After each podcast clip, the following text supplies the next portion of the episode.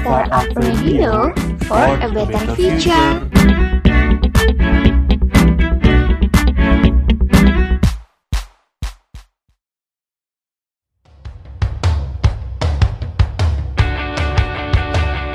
Entrepreneur Zone, zonanya para pengusaha muda.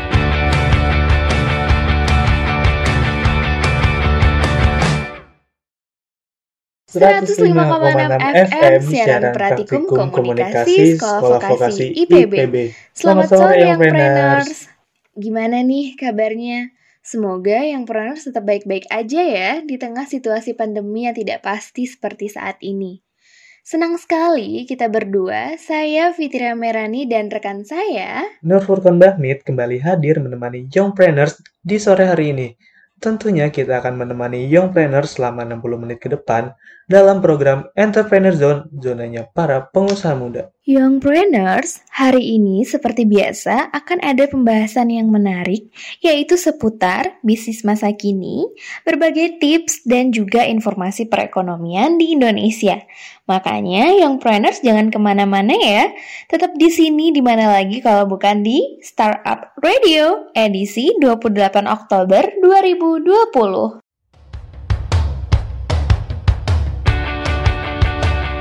Entrepreneur Zone, zonanya para pengusaha muda.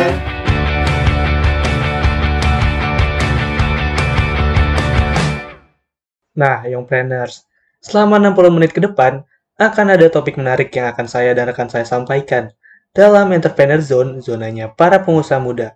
Selain itu, ada lagu-lagu yang keren abis yang akan dibawakan dalam program siaran hari ini. Tapi sebelum kita masuk dalam pembahasan, akan ada lagu penuh semangat dari penyanyi cantik, muda dan bertalenta, yaitu Maudi Ayunda yang berjudul Kejar Mimpi. Tetap stay tune di 105,6 FM, siaran Pratikum, Komunikasi, Sekolah Vokasi, IPB.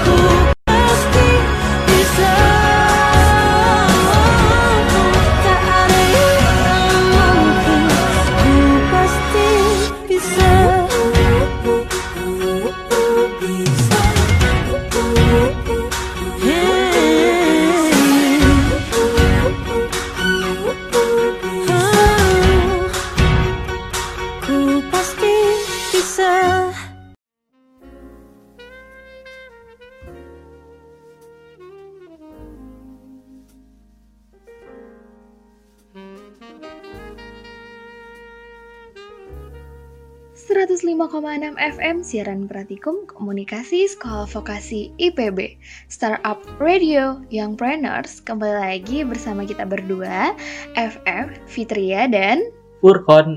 Nah, tadi kan kita sudah mendengar lagu penuh semangat dari Maudi Ayunda. Gimana Young Planners? Semoga bisa membuat lebih bersemangat dan pantang menyerah dalam mengejar mimpi ya.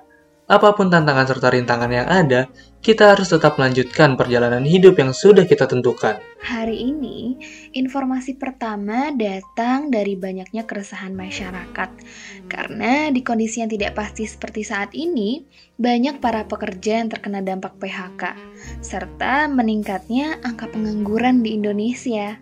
Nah, karena itu juga, banyak dari masyarakat Indonesia nih yang akhirnya harus beralih untuk merintis usaha. Tapi yang namanya usaha pasti tidak mudah, harus mengalami yang namanya jatuh dan bangun dulu. Ditambah banyak banget permasalahan dalam dunia usaha, seperti modal, keberanian untuk memulai, serta banyaknya saingan dalam dunia bisnis. Sehingga young planners yang mau memulai usaha harus memikirkan banyak ide-ide yang segar agar bisnisnya bisa lebih berkembang lagi. Nah, hari ini melihat banyak peminat dari young planners untuk membahas tentang memulai bisnis, maka ada beberapa bisnis yang boleh banget nih young planners coba. Langsung kita bahas aja ya. Yang pertama ada peluang usaha di bidang kuliner dan makanan. Kalau ini sih bisa dibilang bisnis yang tidak ada matinya, karena yang namanya makanan adalah kebutuhan pokok manusia. Sehingga bisnis ini menjadi salah satu bisnis yang banyak dilirik oleh masyarakat di Indonesia. Terlebih lagi, usaha di bidang makanan dan kuliner terbilang tidak terlalu sulit dan memiliki peluang keuntungan yang cukup besar. Di sisi lain, bisnis kuliner dan makanan sangat menjanjikan karena pangsa pasarnya adalah semua kalangan. Wah, bagus banget kan young planners? Salah satu contoh bisnis di bidang kuliner dan makanan yang menggunakan modal yang kecil, yaitu seperti membuka usaha makanan ringan, menjual gorengan, membuka warung tenda, dan membuka warung kopi. Bisnis ini hanya memerlukan modal yang kecil, namun mempunyai keuntungan yang cukup untuk biaya sampingan. Nah, terlihat mudah, tapi tentunya tidak semudah itu ya. Maka, young planners tetap harus memperhatikan detail-detail seperti lokasi yang strategis, tempat yang membuat pelanggan betah untuk berlama-lama, serta membuat inovasi dalam penyajian menu. Dijamin pasti deh nggak akan sepi. Nah, young planners, kalau ingin membuka peluang bisnis dengan lebih banyak effort, maka ada peluang bisnis dengan mengeluarkan modal yang besar seperti membuat kafe atau rumah makan, serta bisa mencoba untuk usaha catering. Nah, di Instagram kita yaitu at Startup Radio, kemarin kita sudah membuka nih pertanyaan ke youngpreneurs. Kira-kira bisnis apa sih yang sedang atau akan youngpreneurs kerjakan? Kita langsung bacain aja ya. Ada dari akun Ivanisas. Dia bilang kalau saat ini sudah memulai bisnis untuk membuka usaha makanan. Jadi membuat angkringan kekinian. Wah, menarik banget tuh ya. Angkringannya dibuat jadi Instagramable, tapi menunya tentu saja tetap murah meriah.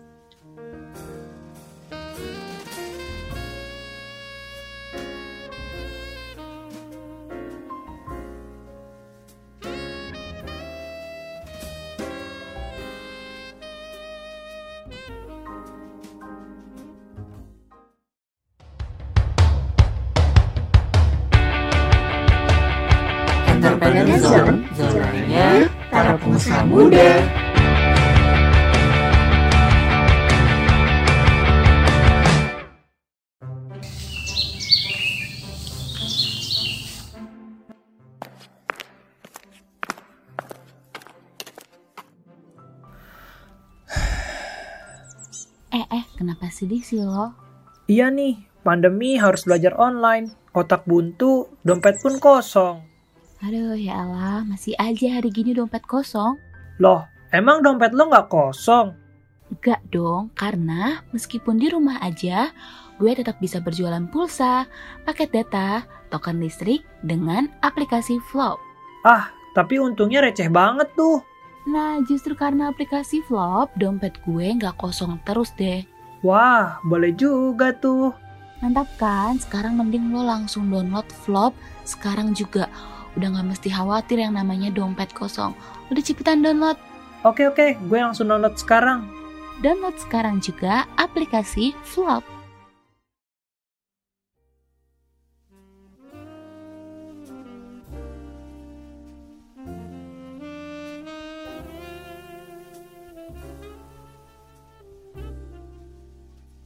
Kalau Fitri yang kebayang dari angkringan tuh kira-kira apa sih? Kalau tentang angkringan itu kebayangnya tentang banyaknya tusuk-tusuk sate sih.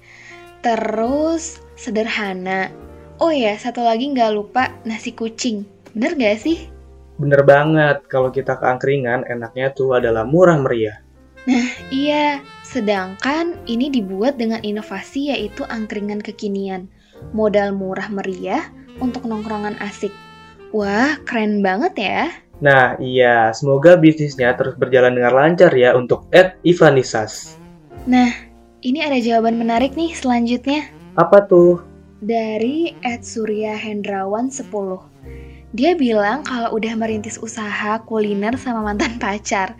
Setelah putus, bisnisnya nggak tahu deh mau dilanjut apa enggak. Waduh, ini juga nih yang jadi salah satu permasalahan. Ketika urusan bisnis dicampur dengan urusan percintaan. Iya, bener banget nih. Jadi bingung ya kalau dari awal tidak ada perjanjian secara jelas. Jadi sayang banget dong kalau bisnisnya udah berjalan dengan lancar, tapi berhenti di tengah-tengah jalan karena putus cinta. Wah, ternyata masih banyak nih jawaban-jawaban seru dari Young Planners di Instagram.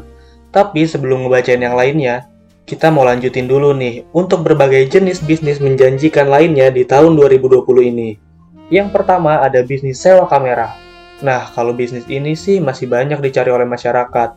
Apalagi kalau lokasi kamu sangat strategis dengan lokasi wisata. Dijamin banyak yang akan menyewa kamera untuk perjalanan traveling mereka. Wah, iya bener banget. Jadi biasanya kalau saya dan teman-teman pergi liburan, yang namanya kamera tuh nggak boleh ketinggalan dari list bawaan. Meskipun handphone udah bagus kameranya, tapi nggak afdol aja kalau nggak ada kamera. Kalau di antara kita nggak ada yang bisa bawa kamera, biasanya emang langsung cari penyewaan.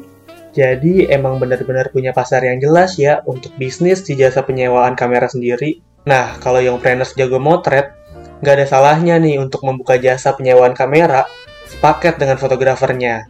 Karena masih banyak juga nih yang mau jalan-jalan tapi pengen didokumentasiinnya tuh yang bagus buat diupdate di Instagram. Nah, selanjutnya ada bisnis jasa laundry. Buat yang planners yang ingin menjadi solusi dari rasa malas untuk mencuci, bisa dijadikan bisnis.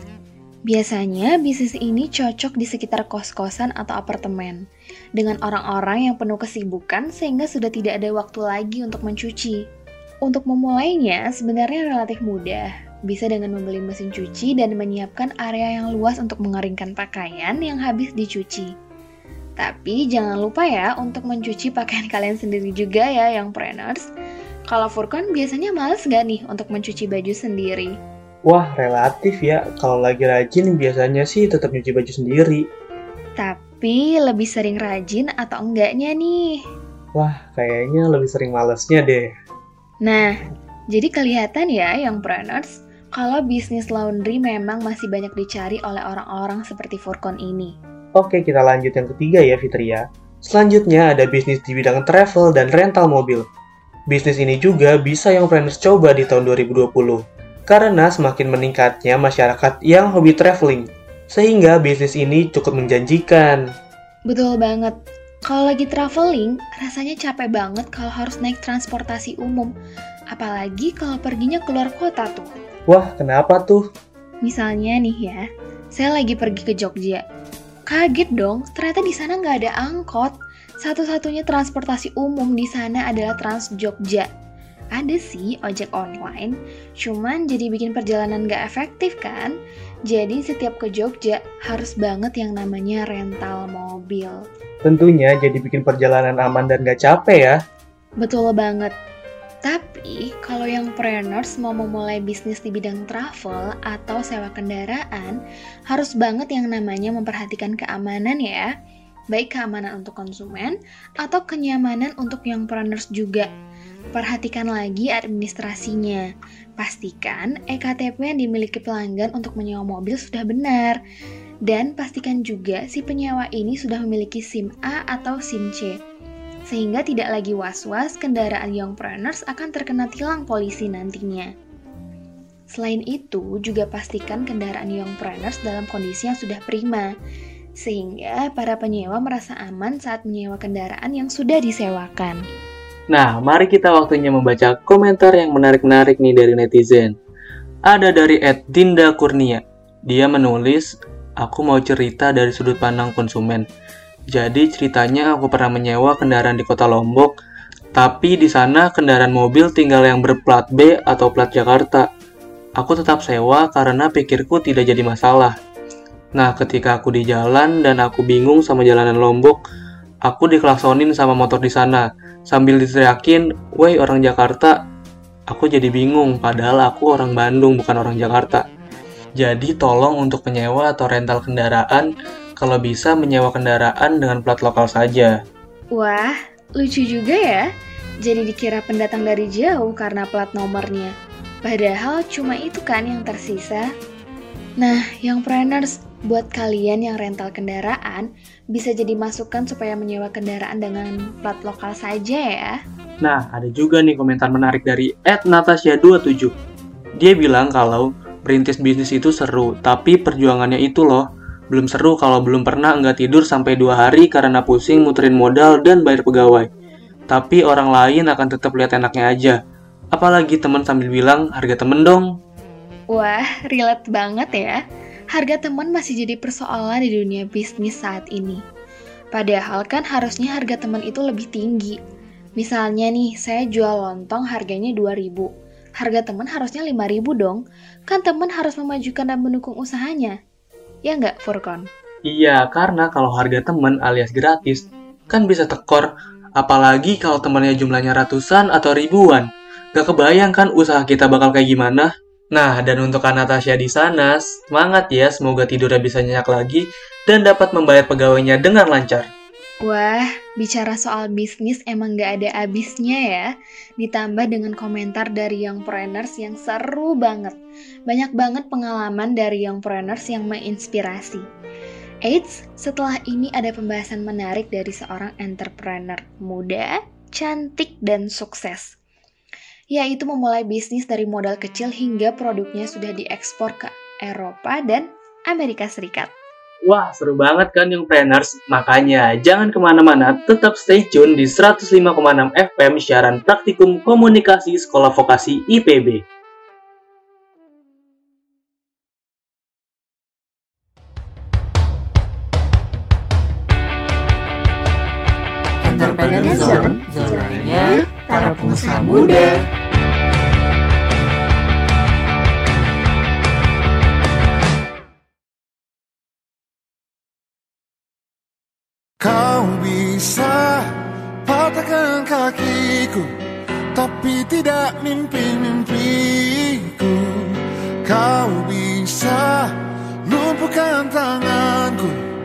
Tapi tidak mimpi-mimpiku.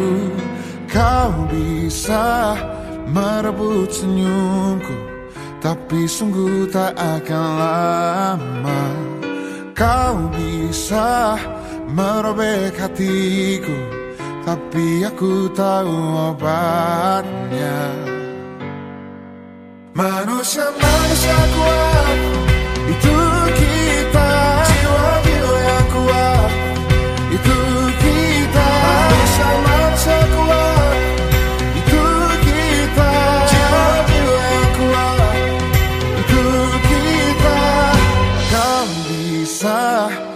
hitamkan putihku. Kau takkan gelapkan apa pun. Kau bisa runtuhkan jalanku. Kan ku temukan jalan yang lain. Manusia-manusia kuat Itu kita Jiwa-jiwa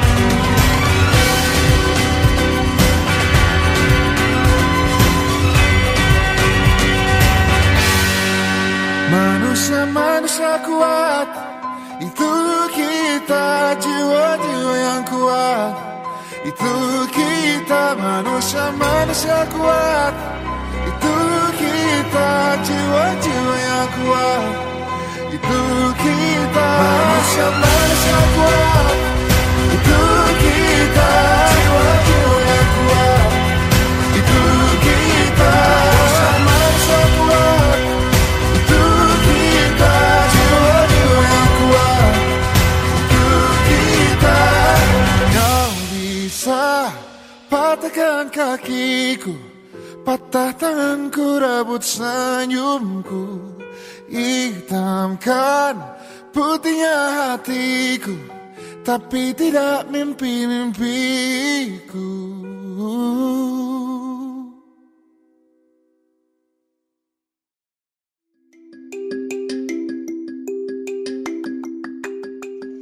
COVID-19 Coronavirus Disease Waspada jika Anda mengalami gejala demam, sesak nafas, sakit tenggorokan, gangguan pernafasan, letih, lesu, jangan takut dan panik. Corona bisa dicegah dan bisa disembuhkan. Budayakan hidup sehat, cuci tangan pakai sabun, rajin berolahraga, dan istirahat yang cukup. Makan dengan gizi yang seimbang. Bila demam dan sesak nafas, segera ke fasilitas kesehatan. Minum air mineral 8 gelas per hari, tidak merokok dan jangan lupa berdoa. Iklan layanan masyarakat ini dipersembahkan oleh Sekolah Vokasi Institut Pertanian Bogor.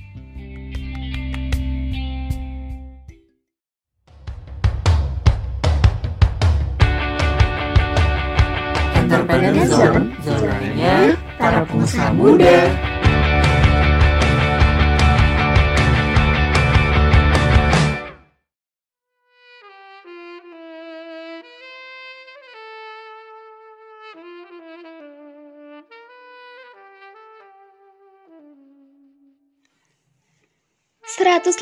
enam FM siaran Pratikum Komunikasi Sekolah Vokasi IPB.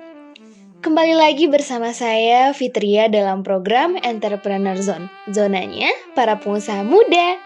Bicara tentang bisnis, saya akan kenalkan kepada youngpreneur semua seorang pebisnis sukses dari Padang. Dia merupakan salah satu sosok inspiratif sekaligus motivator pebisnis muda yang cukup dikenal akhir-akhir ini. Ini dia, Mbak Fauria. Halo Mbak. Halo Mbak. Selamat datang Mbak Fauria. Eh, tapi ngomong-ngomong lebih enaknya dipanggil apa nih Mbak? Iya, apa aja boleh Mbak. Uni juga boleh. Biasanya saya dipanggil Uni sih Mbak. Oke, selamat datang Uni di program kami. Nah, sesuai dengan banyak permintaan dari yang preneurs untuk mengundang Uni Fauria, maka sekarang sudah hadir di sini Uni Fauria, pebisnis muda yang sukses di usia 20 tahun. Wah, senang sekali ya rasanya.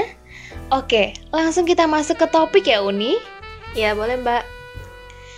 Jadi, Unifauria ini kan sudah menjalani bisnis online sepatu H&K. Terkenal banget dong itu. Iya betul Mbak. saya menjual sepatu dari berbagai model dan ukuran nih. Nah, bagaimana cerita awalnya Uni bisa masuk ke dunia entrepreneur? Nah, ceritanya ya mbak. Awalnya saya terinspirasi dari ayah saya mbak. Dia seorang pekerja serabutan. Em, ayah memulai bisnis ini dari rumah. Mulanya ia hanya melakukan sebagai hobi. Tetapi setelah satu dua orang yang tahu dan mencoba nih mbak, akhirnya banyak yang memesan juga. Kami sekeluarga cukup mendukung ayah untuk mengembangkan bisnis-bisnis ini. Sejak saat itu, ayah banjir pesanan. Nah, dari mana-mana pun ayah dapat pesanan. Nah, terus di tahun 2013, saya mulai tertarik mencoba membuat sepatu juga. Saya memperhatikan dan belajar dari ayah. Saya ingin membantu ayah, bahkan sampai memasarkan sepatu-sepatu tersebut ke teman-teman saya loh mbak di sekolah. Bahkan di luar pun juga ada. Ya, begitulah hingga kami bisa membuat ruko kecil saat itu, Mbak. Oh, begitu. Jadi, Uni Fauriah ini termotivasi dari orang tuanya ya. Nah, bagaimana Uni bisa memutuskan untuk terjun sepenuhnya ke dunia bisnis ini? Secara Uni pastinya juga menempuh pendidikan, bukan? Iya, Mbak. Bagi saya, ayah saya adalah laki-laki yang hebat dengan tangan ajaibnya. Sehingga saat ini mereka bisa menafkahi kami. Ya, saya terus melakukan pekerjaan itu dari SMP hingga SMA, Mbak. Bahkan ke orang tua teman saya saya juga kunjungi ke rumahnya. Bahkan mereka mungkin ragu-ragu pasti ya. Dinilai dari segi kualitas, ketahanan, dan sebagainya. Ya pastilah, orang berpikir kan. Saya berpikir juga mungkin mereka mau membeli karena kasihan. Harganya juga tidak terlalu mahal kan? Atau iseng karena tahu saya juara pertama lomba perkaya tingkat SMP saat itu. ya, ternyata mbak, tidak lama setelah itu mereka memuji dan ingin membantu ayah saya dengan cara mempromosikan ke teman-teman mereka. Nah, sejak saat itu, saya sejak saya lulus, saya terus bersemangat dan menekuni bisnis ini. Keluarga pun cukup mendukung. Nah, setelah lulus SMA itu, saya mulai membuat online shop sendiri, Mbak, atas nama ayah saya, yaitu HNK. Nah, itu berasal dari singkatan nama ayah, yaitu Hakim. Dan kalau masalah sekolah, kata Mbak tadi, ya Alhamdulillah saya bisa membagi waktu saya sampai sekarang dengan baik. Bahkan karena sepatu-sepatu tersebut, Mbak, saya bisa kuliah dan menjadi seperti sekarang ini. Wah, ternyata Uni memang sudah sangat berbakat ya dari kecil. Lalu bagaimana pendapat Uni tentang peralihan dari distribusi langsung menjadi bisnis online seperti sekarang ini? Sebenarnya juga tidak berubah ya Mbak, tapi sedikit berkembang.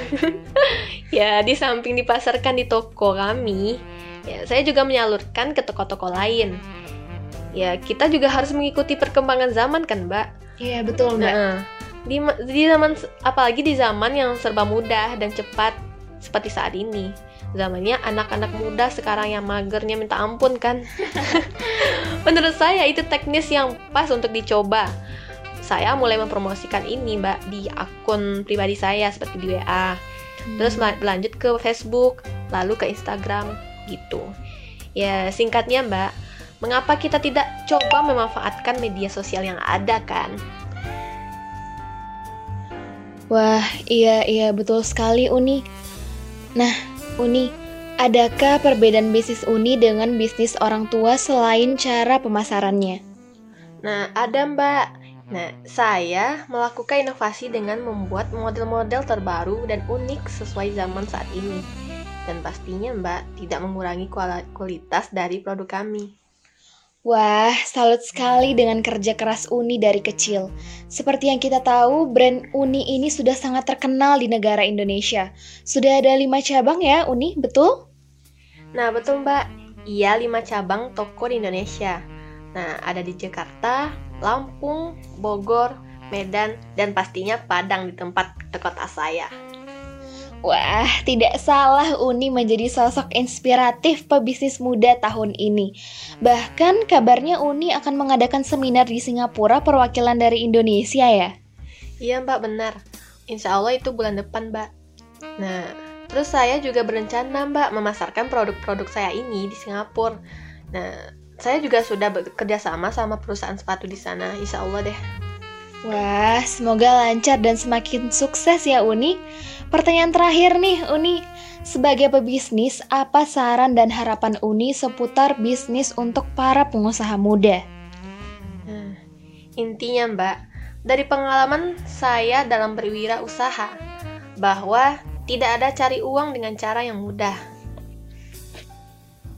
Tidak ada keuntungan tanpa risiko. Bijaklah melihat kondisi pasar saat ini. Jangan menyanyiakan kesempatan yang ada, Mbak. Nah, ya, intinya manfaatkanlah usia mudamu. Harapannya jangan menyerah dan semangat terus menjalankan bisnisnya. Amin. Doanya berbalik ke Uni juga ya. Wah, terima kasih ya Uni sudah mau datang di acara program kami. Terima kasih Uni sudah mau hadir di studio Startup Radio. Terima kasih Uni. Ya, sama-sama Mbak. Terima kasih kembali. Iya, sama-sama.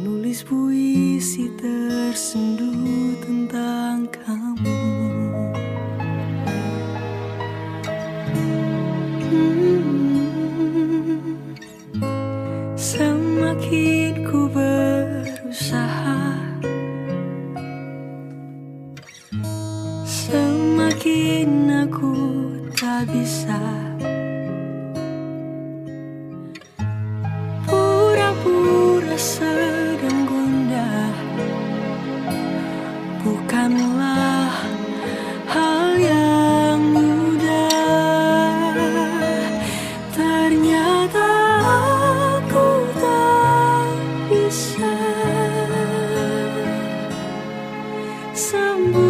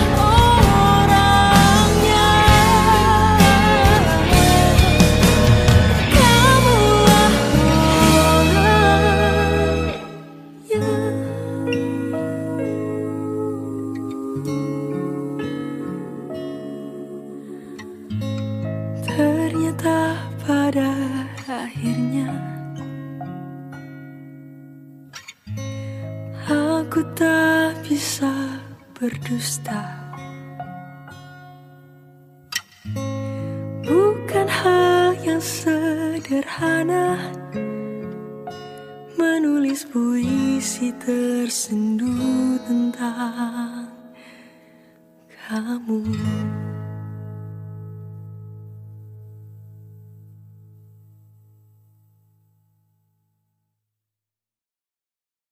Nah, bagaimana nih Young Preneurs? Setelah mendengar kisah inspiratif tadi, semoga kalian berminat ya untuk memulai bisnis. Nah, sebelum memulai bisnis, saya akan kasih kepada Young Preneurs semua kiat-kiat dalam berbisnis versi Koirol Tanjung. Siapa sih yang gak kenal Koirol Tanjung saat ini? Nah, kiat pertama yaitu ikuti organisasi. Selain berprestasi, di masa perkuliahan, young preneurs harus ikut berorganisasi. Organisasi yang akan melatih kemampuan leadership dan manajemen yang ada dalam diri. Dengan organisasi, kita dilatih untuk berbicara di depan orang, mencoba meyakinkan orang, dan sebagainya. Itu adalah ilmu yang perlu untuk dipelajari. Yang kedua, bekerjalah untuk lebih keras. Tidak ada kesuksesan yang datang dengan sendirinya atau secara instan. Kesuksesan itu dijemput dan harus melewati berbagai macam proses. Proses yang dilewati itu harus dengan kerja keras dan habis-habisan. Tuhan tidak akan memberikan kesuksesan kepada orang-orang yang tidak bekerja lebih keras daripada yang lainnya. Itu sudah hukum alam. Yang ketiga, lakukan pekerjaan dengan detail proses yang sudah dijalani dan diusahakan itu harus berlangsung secara intens dan terus-menerus. Semua upaya yang dijalankan harus totalitas dan sedetail mungkin. Yang keempat, jangan jadi kacang yang lupa kulitnya. Yakini bahwa bantuan orang-orang di masa lalu itu yang sudah mampu membangun diri yang preneurs untuk sampai pada titik yang sekarang. Ia memegang prinsip jangan sampai kacang itu lupa pada kulitnya. Segala bentuk bantuan kecil apa pun itu harus diingat dan jangan pernah lupakan teman-teman lama kita. Yang keempat yaitu cari pemicu untuk semangat kerja. Khairul Tanjung mengungkapkan memulai adalah sesuatu yang sulit. Menciptakan uang yang pertama adalah sesuatu yang luar biasa. Mendapatkan uang pertama, walaupun kecil, adalah hal yang luar biasa. Kenikmatannya luar biasa. Itu yang dijadikan trigger untuk mendapatkan uang yang lebih dan lebih lagi di masa yang mendatang. Untuk mencapai kesuksesan, young preneurs harus memiliki trigger atau pemicu untuk terus tumbuh dan berkembang. Untuk itu, terus menghasilkan hal-hal baru dan lebih bernilai di kemudian hari ya.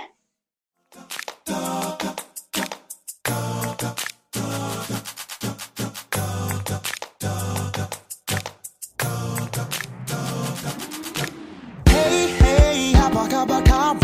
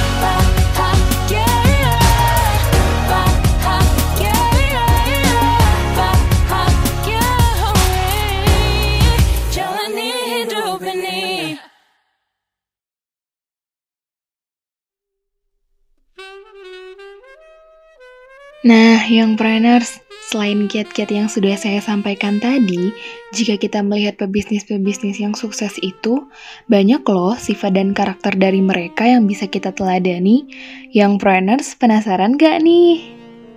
Meskipun sifat dalam diri masing-masing manusia punya perbedaan satu sama lain. Namun, ternyata ada beberapa kesamaan sifat yang dimiliki oleh para pebisnis sukses nih, yang planners. Beberapa orang percaya bahwa sikap atau karakter yang dimiliki oleh seseorang cukup berperan penting dalam menentukan kesuksesannya. Begitu juga dalam hal berbisnis, dikatakan pula bahwa karakter yang dimiliki oleh si pebisnis cukup berpengaruh pada berhasil atau tidaknya usaha. Banyak orang kemudian berlomba-lomba untuk melatih diri supaya dapat memiliki sifat-sifat tersebut dengan tujuan meraih kesuksesan dalam hidupnya. Lalu, kira-kira sifat seperti apakah yang mampu mendorong seseorang untuk memulai hingga menjalankan usahanya sampai akhirnya benar-benar bisa sukses? Ada setidaknya 15 sifat yang bisa menunjukkan apakah seseorang bisa jadi pengusaha sukses atau tidak. Berikut penjelasan selengkapnya yang sudah saya rangkum dari berbagai sumber. Yang pertama yaitu bersemangat dan mempunyai motivasi yang tinggi. Untuk dapat menjalankan suatu usaha dari nol hingga akhirnya benar-benar sukses, dibutuhkan adanya semangat dan juga motivasi yang tinggi. Dengan semangat dan motivasi yang tinggi, pebisnis tidak akan dengan mudahnya merasa bosan untuk terus berusaha bahkan meskipun sempat mengalami tantangan atau bahkan kegagalan. Supaya terus semangat dan termotivasi, akan lebih mudah jika usaha yang dijalankan adalah usaha yang memang benar-benar menjadi minat bagi si pebisnis tersebut. Karena dengan adanya minat terhadap usaha tersebut, si pebisnis akan selalu berjuang untuk memajukan usahanya dan tak akan mudah merasa jenuh atau bahkan terbebani ketika harus menjalankan usaha miliknya itu. Kedua, sifat disiplin. Para pebisnis yang sukses juga pada umumnya memiliki sifat disiplin yang baik. Mereka fokus menjalankan usahanya dan berhasil menghindari gangguan-gangguan yang bisa menghambat mereka mencapai target-targetnya. Mereka juga mampu membuat strategi-strategi untuk dapat meraih setiap target yang diinginkan. Untuk dapat menjadi pribadi yang disiplin, dibutuhkan kemampuan untuk mengontrol, menguasai, dan mengarahkan diri sendiri, serta kesadaran akan tanggung jawab yang dimiliki. Mereka berani mendisiplinkan diri sendiri karena sadar bahwa pasti ada harga yang harus dibayarkan untuk bisa meraih kesuksesan tersebut. Ketiga, visioner. Kebanyakan pebisnis sukses adalah mereka yang memiliki visi atau pandangan ke depan yang jelas. Visi-visi tersebut meliputi akan seperti apa usaha yang akan dibuat nantinya dan bagaimana cara untuk bisa mencapainya. Tanpa visi yang jelas, pastinya akan sulit untuk bisa menjalankan suatu usaha. Jika yang preneurs ingin menjadi pebisnis yang punya visi yang jelas, Cobalah untuk memikirkan tipe usaha seperti apa yang ingin dibangun dan dijalankan. Lalu, apa saja target-target yang bisa dicapai supaya dapat mencapai apa yang diinginkan dan diharapkan. Keempat yaitu kepemimpinan yang kuat. Dalam menjalankan usaha, nantinya akan ada kesempatan di mana si pebisnis harus mampu menjadi pemimpin dan memberikan arahan bagi para karyawan atau orang-orang yang bekerja bagi usahanya tersebut. Seorang pemimpin harus mampu memimpin para karyawan yang bahkan datang dari latar belakang berbeda dengan sifat yang bermacam-macam Apa pun kondisinya, pemimpin pun tidak berarti orang yang hanya bisa menyuruh-nyuruh. Ia harus bisa menjadi role model atau panutan bagi orang-orang yang ia pimpin. Ia dapat mengarahkan timnya untuk bergerak maju dan mencapai setiap target dengan tepat. Ia juga harus dapat menjalin hubungan dan komunikasi dengan para karyawannya, serta bekerja dalam tim Pemimpin yang baik bisa mendapatkan kepercayaan serta kehormatan dari timnya tanpa harus memaksa. Mungkin memang tidak terdengar mudah bagi yang preneurs, namun kemampuan untuk memimpin memang diperlukan untuk bisa menjadi sukses.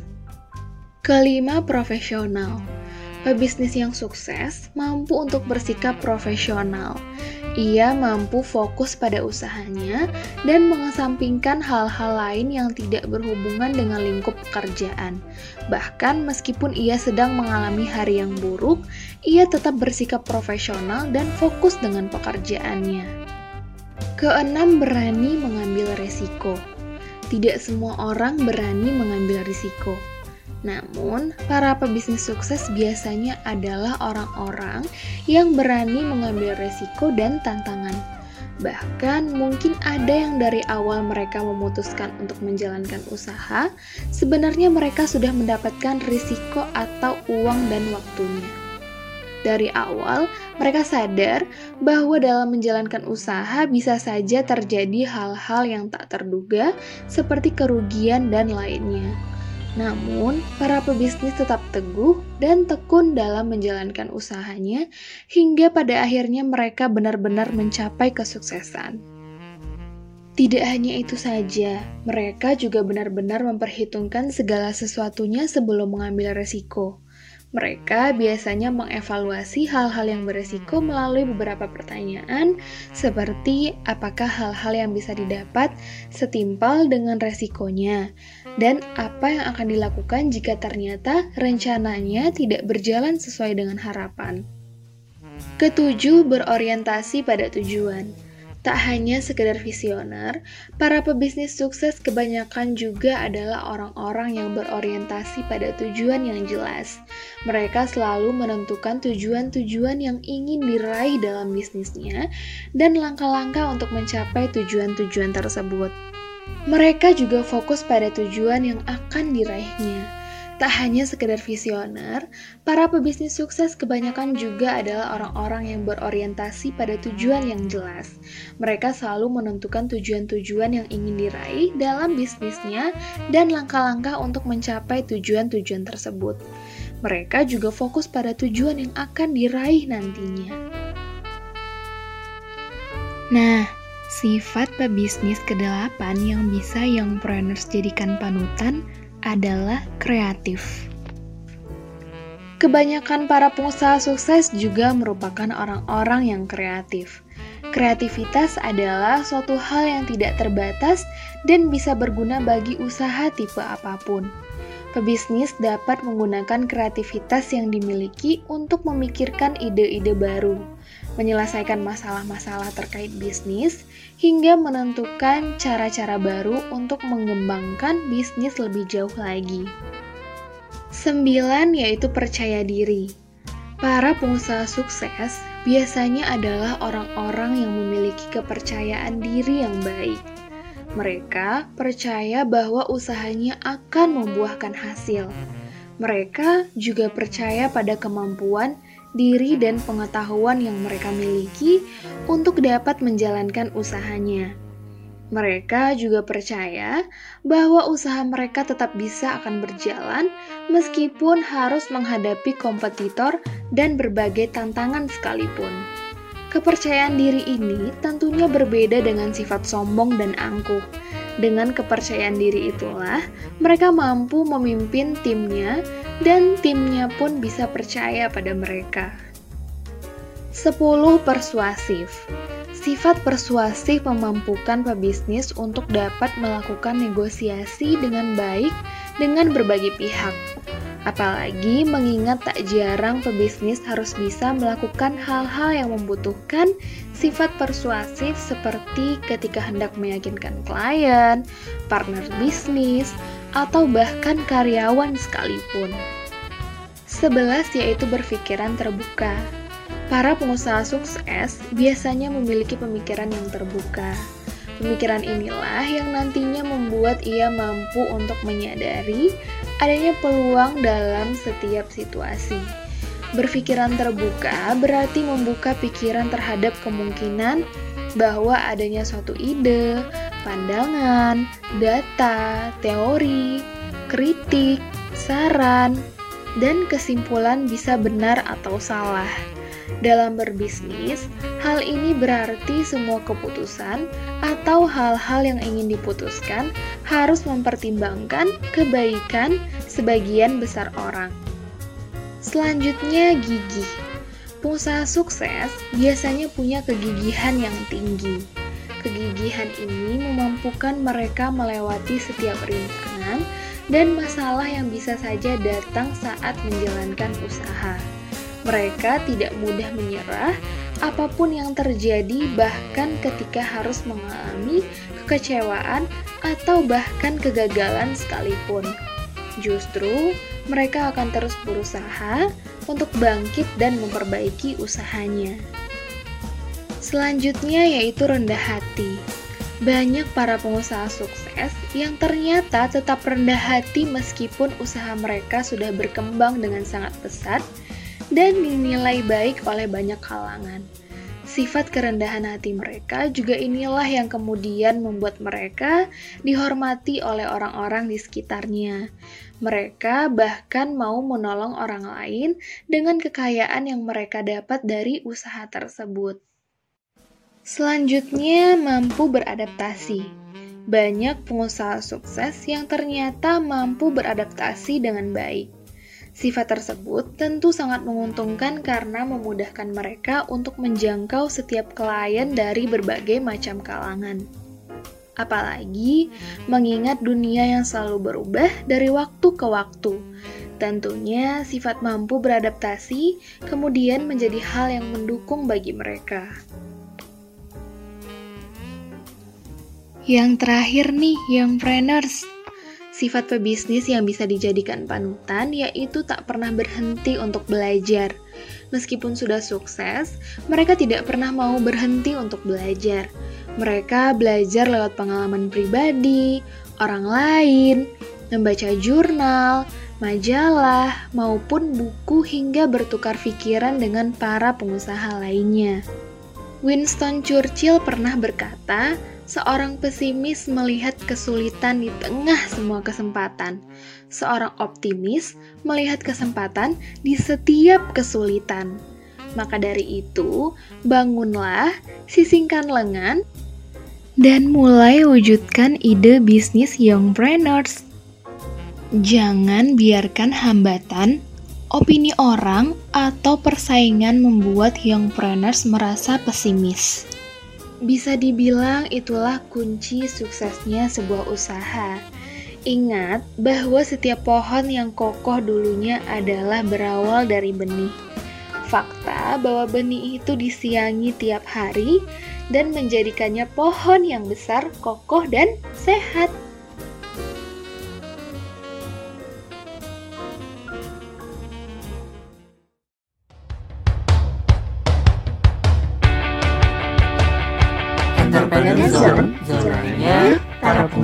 Muda.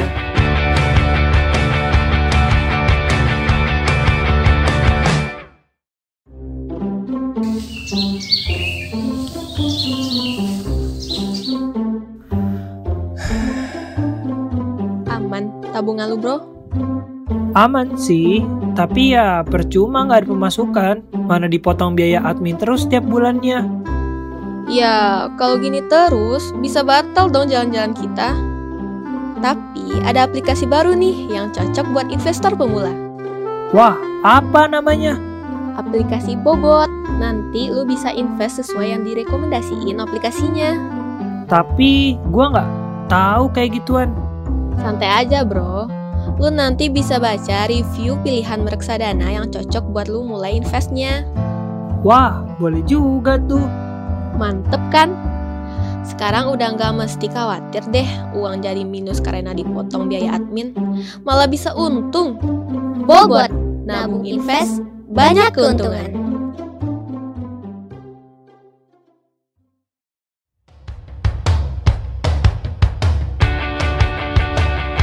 Entrepreneur Zone, zonanya para pengusaha muda.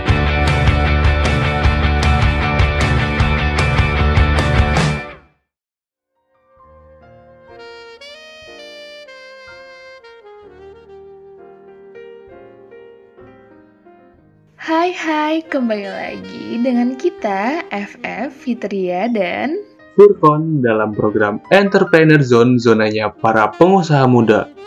Uhu, nggak kerasa ya Youngpreneurs. Ternyata udah 60 menit nih kita berdua menemani sore hari Youngpreneurs. Sambil berbincang-bincang tentang up-to-date perekonomian serta dunia bisnis masa kini.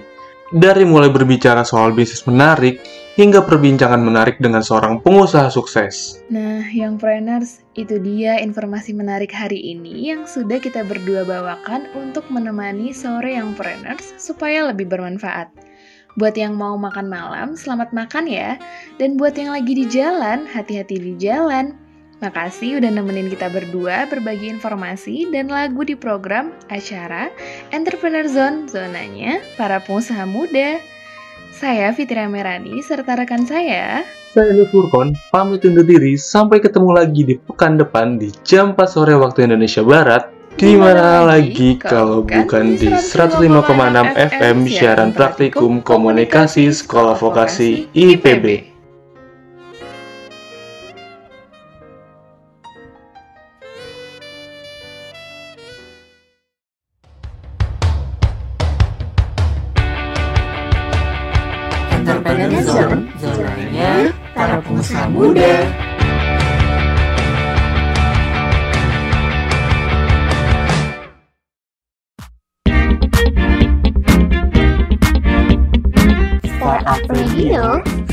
Better future.